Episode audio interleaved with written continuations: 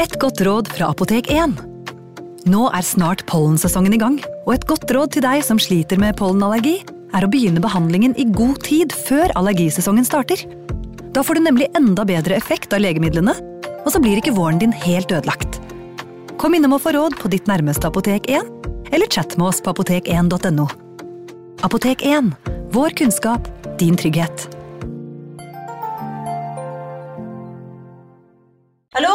Jeg kommer fra Oslo politikammer.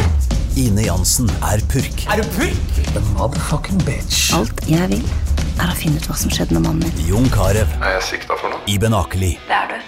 Ole So, Lars Berrum og Big Daddy Karsten. Hvem sin side er du på, egentlig? Anette Hoff, Tone Danielsen, Kommer du fra Afrika? Jørnis Josef, Nesten kløfta. Trond Espen Seim, Det er synd å si det, men det var feil mann som døde. Purk. Premiere tirsdag på TV2 Play. Ungsamtalen fra DNB er økonomisk veiledning tilpasset deg som er ung. Bokk en ungsamtale på dnb.no. slash ung. Det er kjempebra hvis du skal inn på boligmarkedet, hvis det er drømmen din, liksom. Det er det du skulle sagt. Og så kunne du ropt litt mer, da, sånn som jeg gjorde. Bam! Advarsel. Denne podkasten inneholder skildringer av ekte drap og kriminalsaker som kan være støtende for enkelte. Det advares også mot sterke inntrykk i deler av episoden. Snill, morsom, nøye, til å stole på, hardtarbeidende, en god far, en god venn, lojal, høflig, sterk, smart. Dette høres ut som en fantastisk fyr med kvaliteter mange ser etter i venner, ektemenn, sønner, brødre og ansatte. Ikke sant? Hva hvis jeg fortalte deg at disse ordene er sagt om en seriemorder? En sadistisk, voldsom seriemorder som reiste rundt i USA og jaktet på ofrene sine før han slo til og drepte dem. Det er ingen som vet hvor mange ofre han etterlater seg, men det politiet tror, er at det er uhyre mange flere enn det som kom frem i avhør. Det er egentlig ingen som kjenner meg, eller som har kjent meg, som vet noe som helst om meg.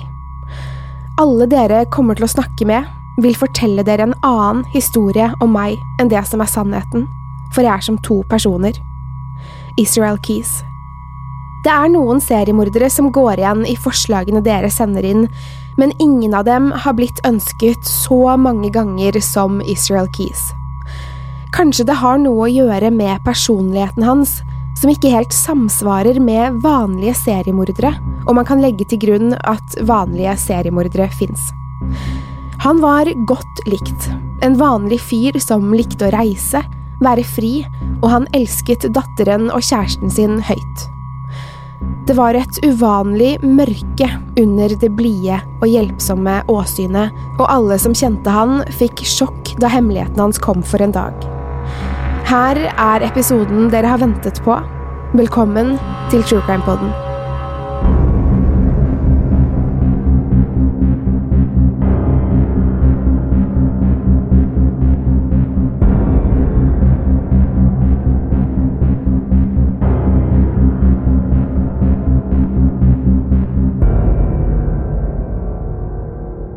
Første februar 2012, Anchorage, Alaska. 18 år gamle Samantha jobber i en kiosk hvor hun selger kaffe, pølser og annen snacks. Det er midt på vinteren, iskaldt og snøen blåser opp fra bakken. Samantha er snart ferdig med skiftet sitt og begynner å rengjøre kaffetrakteren og rydde på plass før hun skal stenge. Det hadde ikke vært mange kunder denne dagen, et rolig skift som passet henne bra, for Samantha hadde masse skoleoppgaver å ferdigstille ved siden av jobben. Kjæresten skulle hente henne etter jobb, og hun gledet seg til en rolig kveld hjemme med han. Rundt klokken 20 på kvelden står Samantha og titter ut på det voldsomme vinterværet da hun ser en mann komme gående mot kiosken. Han er kledd i mørke klær, har på hette, lue, og når han kommer nærmere, ser hun at han har en finlandshette trukket over ansiktet. Dette var ikke uvanlig, det med å ha på seg finlandshette av den bitende kulden og vinden. Mannen går mot henne og stopper foran kioskvinduet.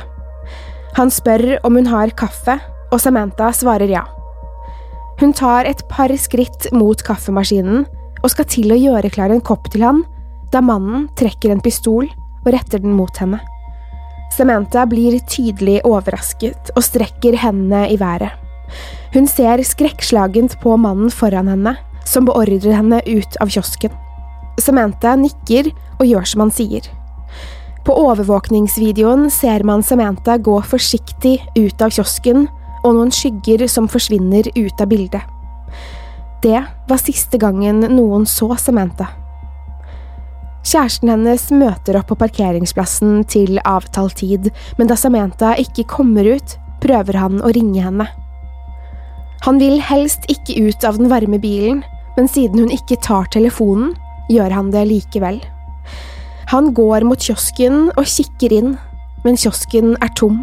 Han ser at den ikke er lukket og låst slik den skal være, bare lysene er slått av. Han blir urolig når han ikke finner Samantha. Kjæresten ringer politiet og melder henne savnet. Politiet og frivillige leter etter Samantha, men det er ingen spor etter henne. Telefonen hennes er skrudd av, og det siste stedet den befant seg, var ved kiosken.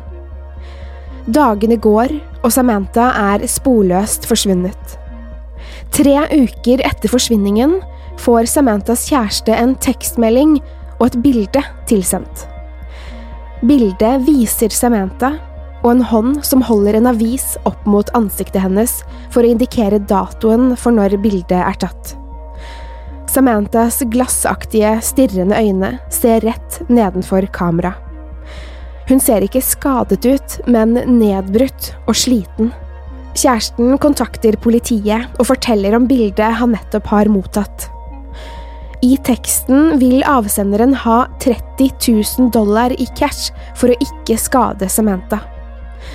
Politiet råder ham til å ikke gi etter for kidnapperens krav, og selv om kjæresten har lyst, betaler han ikke. Politiet vet nå at det er en sjanse for at Samantha fortsatt er i live. De overvåker området i nærheten av kiosken og sjekker om det er noen aktivitet på kredittkortene hennes. Til deres store overraskelse har kortene til Samantha blitt brukt de siste dagene til kontantuttak. Det er tatt ut penger i såkalte drive-through minibanker, men selv om det er kamera ved alle stedene, er mannen som tar ut penger maskert. De ser ikke Samantha på noen av overvåkningsvideoene. Det er noe rart med kontantuttakene, for de er ikke gjort i Anchorage, der hun ble kidnappet fra, men i Arizona, Texas og New Mexico. Politiet i Anchorage kontakter politiet i de tre statene kortene er brukt, og samarbeider om å finne mannen. De vet ved hjelp av overvåkningskameraer at mannen kjører en hvit Ford Focus. Politiet lager også en gjerningsmannsprofil som indikerer at de leter etter en hvit, slank mann med litt muskler og i 30-årsalderen. Han er uredd og selvsikker, og mest sannsynlig bevæpnet. Han kan være farlig om han blir presset, så politipatruljer bes å være forsiktige om de treffer på han. 13. mars 2012, Lufkin, Texas.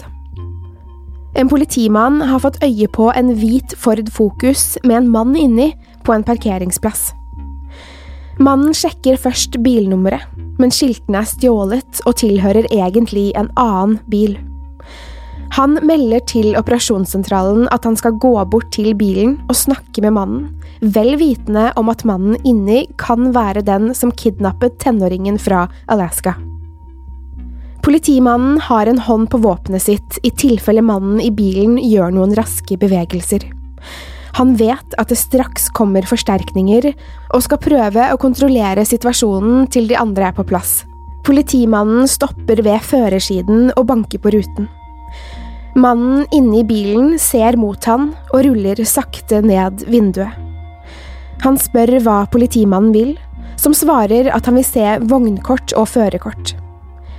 Mannen i bilen ser betenkt ut før han strekker seg mot en sekk i passasjersetet. Politimannen er klar til å trekke våpenet sitt og mannen prøver på noe, men ut av sekken drar mannen frem et ID-kort. På kortet står det Israel Keys.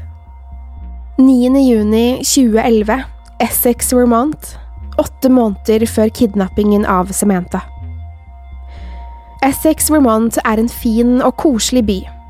Forstedene rundt er rolige, små og med lav kriminalitet. Med unntak av noen biltyverier er det ikke mye annet ulovlig som skjer der. En kvinne ringer til politiet, for søsteren hennes Lorraine på 55 år og ektemannen Bill på 49 år har ikke møtt på jobben, og det er ingen hjemme. Bill og Lorraine Currier hadde nettopp feiret sølvbryllup. De hadde vært gift i 25 år og holdt fest for venner og familie. De var snille, rolige og pålitelige mennesker som aldri ville ha reist noe sted uten å si ifra. Bill jobbet på et laboratorie på byens universitet, og Lorraine var legesekretær. De var begge både stolte og glade i jobbene sine, og hverandre. De var godt likte mennesker som alltid hjalp andre. De jobbet hardt og var stolte av det livet de levde, et stille og fredelig liv med de nærmeste rundt seg. Ekteparet hadde ingen barn, men var tante og onkel til flere. Politiet reiser til Courier-huset for å undersøke om noe kan ha skjedd der. Huset lå ved en blindvei med lite biltrafikk. Det var en liten oppkjørsel, og huset hadde garasje som var tilknyttet huset. Politiet ser med en gang at et av vinduene i garasjen er knust, og mistenker innbrudd. Parets bil var borte, men i huset så alt ut som det skulle.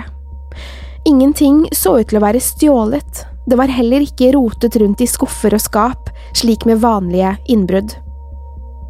Lorraine sin veske hang på en knagg i gangen. På badet var begges medisiner, som de tok hver dag, og politiet stusset over at de ikke hadde tatt med seg de livsviktige medisinene hvis de hadde dratt på tur. De finner også ut at Bob sin pistol var borte. Dette var uvanlig for paret. De pleide aldri å gjøre noe som ikke var planlagt, så politiet ble med en gang mistenksomme. De setter i gang en etterforskning, og hovedteorien er først at dette kan være et såkalt murder-suicide, hvor en av dem har drept den andre før den tok sitt eget liv. Alle som kjenner paret, mener at dette er helt feil. Ingen av dem ville ha tatt livet sitt, eller drept den andre for den saks skyld, og etter hvert frafaller teorien, da politiet ikke finner noen holdepunkter for at det stemmer. En stor leteaksjon pågår, men ekteparet er som sunket i jorden. Politiet ønsker tips fra publikum, men de første dagene er det bare folk med spinnville teorier og klarsynte som ringer inn, men ingen av tipsene er konkrete nok til at de ettergår dem. Etter tre dager ringer en mann til politiet. Han mener å huske han så ekteparets bil to dager tidligere kjøre langs veien. Han trodde først det var ekteparet som kjørte bilen, og skulle til å vinke da han så en ukjent mann kjøre den, alene. Ekteparet var ikke i bilen med den ukjente mannen. Han dobbeltsjekket bilskiltet, for han trodde først han hadde tatt feil, men var nå helt sikker på at det var deres bil han hadde sett. Vitnet beskriver mannen i bilen som en relativt ung mann, hvit, slank og med lysebrunt hår. Mer enn det kan han ikke huske å ha sett. Politiet finner tipset veldig interessant, for bilen ble sett dagen etter at ekteparet hadde forsvunnet, noe som kan tyde på at mannen som kjørte bilen, hadde noe med forsvinningen å gjøre. De sender ut en etterlysning av bilen, men ingen tips kommer inn om den. Dager, uker og måneder går, og ingen nye tips eller tegn til ekteparet kommer frem. De er fortsatt som sunket i jorden, og politiet kommer ikke videre. Tilbake sitter familiene deres uten svar, bekymrede for at noe forferdelig har skjedd deres kjære. De tenker det verste, men håper selvfølgelig at Bob og Lorraine skal komme uskadde hjem igjen. Lufkin, Texas. Politimannen ser på ID-kortet og navnet Israel Keys.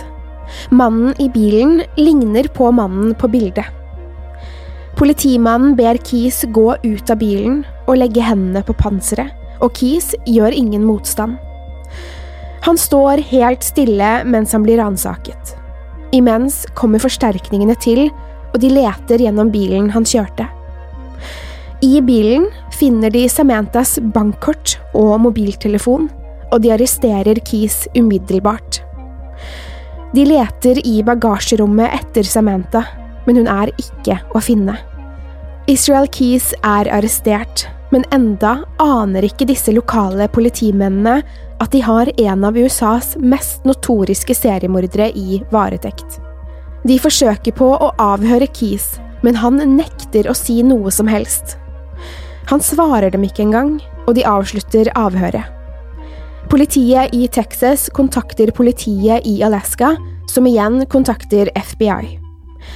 Israel Keys blir utlevert til Alaska og flydd tilbake der han kom fra. Politiet i Alaska, sammen med agenter fra FBI, gjør et nytt forsøk på å avhøre Keys. Nå er han en helt annen person. Han er høflig, blid og medgjørlig. Han er også iskald og virker ikke nervøs for anklagene mot han, og tuller mye med spørsmålene de stiller han. Han har en mørk sans for humor. Israel Keys er 34 år gammel, har en kjæreste og en datter på ti år. Han forteller varmt om datteren sin, og at de nettopp har vært på ferie sammen, et to ukers cruise i Karibien. Israel Keys siktes for bedrageri i første omgang fordi han brukte Sementas bankkort til å ta ut penger.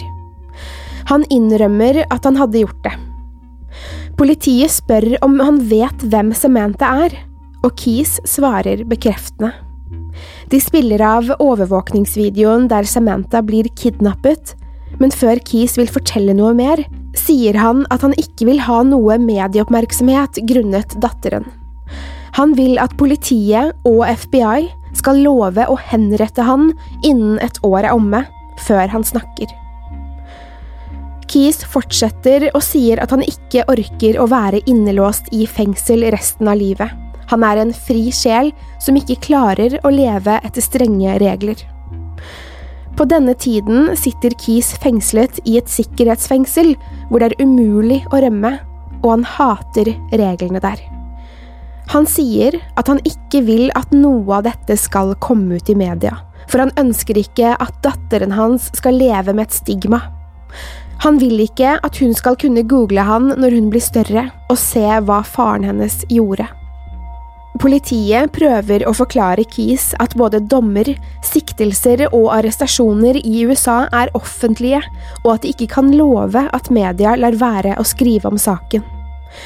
Israel forstår det, og sier at han ikke kommer til å fortelle noe før han får bekreftet at han skal henrettes snart. Politiet sier at de ikke kan henrette noen uten videre, de må ha noe mer enn indisier for å skaffe en slik bekreftelse, men også at de ikke kan love han henrettelse på det tidspunktet. De råder han likevel til å begynne å snakke, for jo mer han forteller, jo mer kan det hjelpe på ønsket hans. Keys begynner å snakke. Han sier jeg kan vel like godt bare fortelle alt. Han innrømmer at det var han som kidnappet Samantha, og at han hadde spionert på henne en tid før kidnappingen. Keys sier at han tok henne med til huset sitt, der samboeren og datteren lå og sov. Han voldtok 18-åringen flere ganger mens han fortalte at han skulle drepe henne. Samantha hadde grått og bedt for livet sitt, men Keys hadde lagt hendene sine om halsen hennes og kvalt henne. Deretter hadde han gjemt henne i vedskjulet. Det var iskaldt ute, så han visste at liket av Samantha ikke ville råtne i det kalde været. Dagen etter drapet hadde Keys dratt på cruise med datteren sin, mens Samantha lå gjemt. To uker senere hadde han kommet hjem.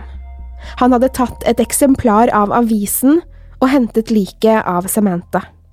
Med nål og tråd hadde Keys sydd opp øyelokkene på tenåringen og fikset til håret hennes så hun skulle se levende ut. Deretter hadde han tatt bildet, som han sendte til Sams kjæreste. Sam hadde vært død i over to uker da bildet ble tatt. Keys hadde hentet motorsagen og stykket opp kroppen hennes før han la likdelene i poser. Han kjørte snøscooter ut til et fiskevann og latet som han drev med isfiske da han senket posene med Sams kropp ned i hullet i isen. Mens Keys forteller om det han gjorde mot Samantha, virker han stolt. Han forteller om det som skjedde som om det var en hverdagslig ting, men sier han har dårlig samvittighet over at samboeren og datteren sov i samme hus som han drepte Sammy. Han var redd for hva datteren ville tenke om han hvis hun hadde kommet inn i rommet da han kvalte henne.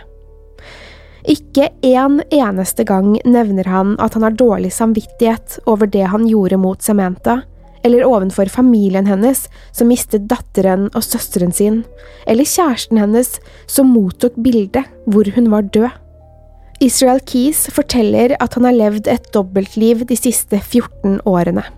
Han har vært en vanlig mann med hus, barn, samboer og jobb, mens han har reist rundt i USA og drept mennesker. Politiet vet at Keys jobbet som snekker, og lurte på hvordan han hadde råd til alle reisene sine. Han hadde flydd over hele USA, vært i mange stater, til og med Hawaii. Keys innrømmer å ha ranet flere banker på reisene sine for å få råd til dem. Politiet spør Keys om han har drept flere. Ja, mange, svarer Keys og ler. Ikke en nervøs latter, men en latter over noe morsomt han tenkte på. Vil du fortelle mer, spør politiet. Ikke før jeg får en sigar, svarer Keys. Han får en sigar og begynner å snakke. Han sier at han drepte en jente i 1996, og nevner en annen jente i New York han også hadde drept, uten å si mer om hvor eller hvem de var. Han nevner i alt åtte mord.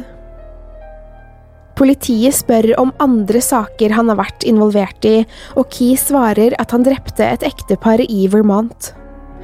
Siden han har fått sigaren, forteller han om dem. Han sier han valgte ekteparet fordi de ikke han Han sier han valgte ekteparet fordi de ikke hadde barn, og på grunn av garasjen han kunne snike seg inn i. Keys hadde knust en rute for å komme seg inn, og døren inn til selve huset hadde vært ulåst. Han hadde vekket ekteparet og truet dem med pistol, før han bandt dem med strips. Keys fortalte at han ville kidnappe dem, og tok det med seg i bilen deres med pistolen rettet mot hodene. De kjørte langt inn i skogen og stoppet ved et falleferdig hus. Keys beordret dem inn og bandt dem fast i hvert sitt rom. Mannen satt nede, bundet til en stol, mens Keys voldtok kvinnen flere ganger, og mannen hørte skrikene hennes. Han prøvde iherdig å komme seg løs for å hjelpe kona, men da Keys kom ned og så hva han prøvde på, slo han mannen i hodet med et balltre. Han døde ikke, bare blødde kraftig fra hodet mens han prøvde å reise seg. Keys rettet pistolen mot mannens hode og trakk av flere ganger. Mannen døde på gulvet i kjelleren. Kvinnen lå bundet i etasjen over og hørte alt oppstyret og skuddene. Hun gråt hysterisk og skrek etter mannen sin mens hun ble ført ned i underetasjen.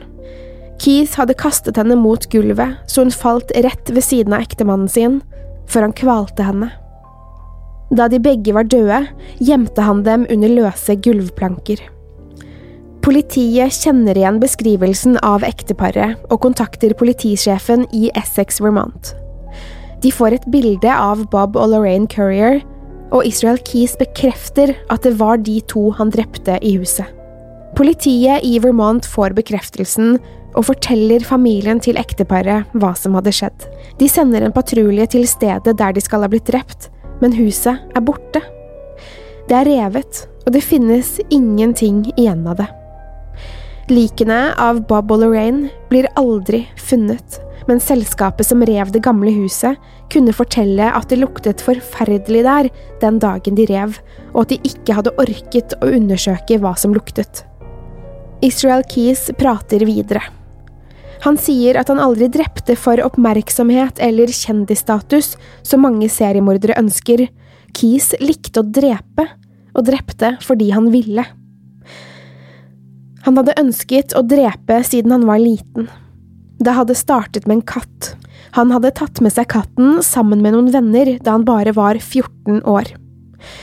Keys hadde skutt katten i magen og sett på mens den løp unna, krasjet i et tre og forblødde der.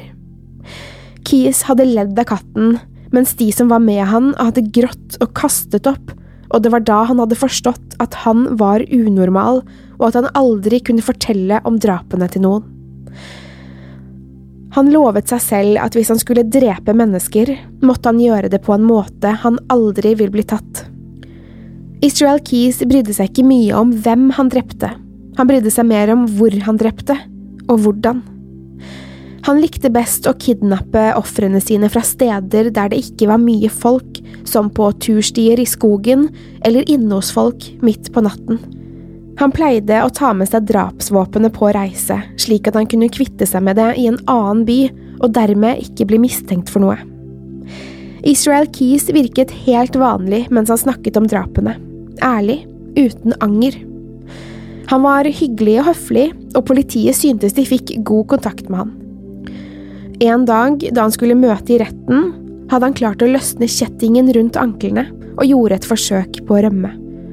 Han ble tatt med en gang og virket nedstemt etter det mislykkede forsøket. Keys spurte flere ganger om å få bli henrettet snart, men politiet kunne fortsatt ikke love han det. Han sa at han ikke ville fortelle om de andre drapene så lenge dealen ikke var på bordet. 2. desember 2012, Anchorage, Alaska. Israel Keys har sittet i varetekt i åtte måneder. Han har forgjeves prøvd å få en henrettelsesdato, til ingen nytte. Denne dagen skriver han et langt brev han legger på nattbordet.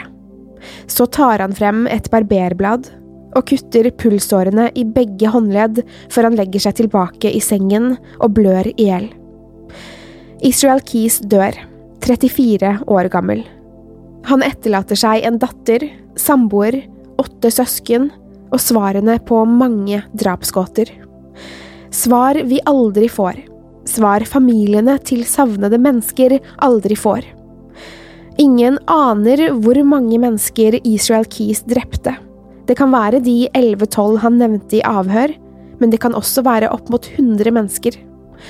Det får vi aldri vite.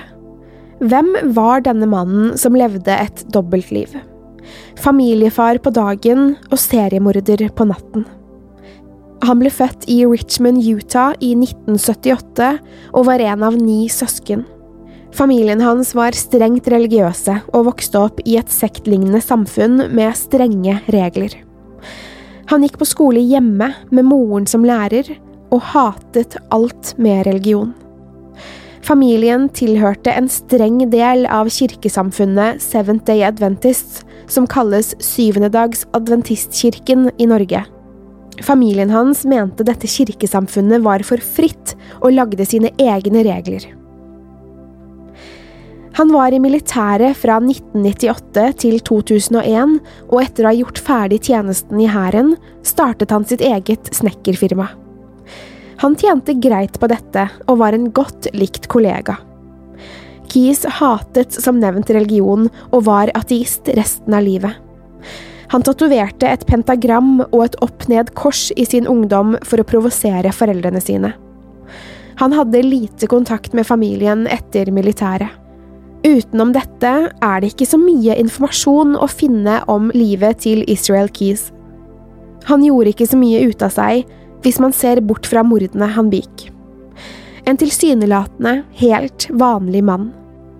Den noe overdramatiske true crime-forfatteren M. William Phelps, som også er programleder for true crime-serien Dark Minds, mener han sitter på informasjon som Keys var redd for skulle komme ut.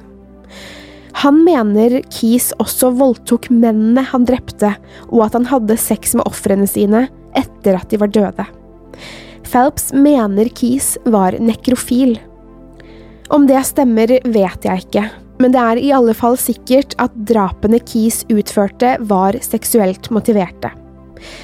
Jeg tror vi aldri helt sikkert får vite hvor mange Israel Keys drepte, og det finnes mest sannsynlig savnede mennesker som aldri vil bli funnet fordi Keys døde med alle svarene.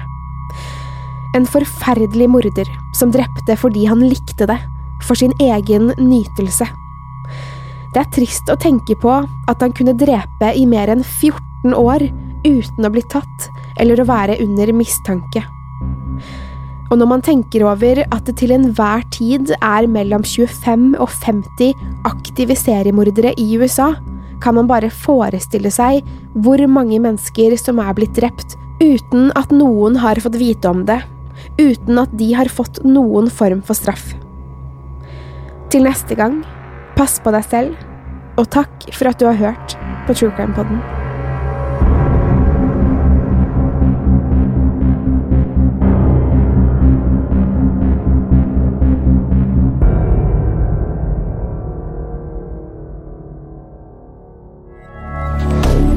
Moderne media. Har du et enkeltpersonforetak eller en liten bedrift? Da er du sikkert lei av å høre meg snakke om hvor enkelt det er med kvitteringer og bilag i fiken, så vi eh, gir oss her, vi. Fordi vi liker enkelt. Fiken superenkelt regnskap. Hei! Takk for at du lytter til True Crime Podden. Skulle du ønske at du kunne høre en ny episode av denne podkasten hver eneste uke? Vel, da er det bare å laste ned podkastappen Untold med en gang. I tillegg til ukentlige episoder av podkaster som Skrekkpodden, Synderne og Henrettelsespodden, får du masse annet reklamefritt og eksklusivt innhold. Last ned Untold i AppStore eller Google Play, og start din 30 dagers prøveperiode i dag.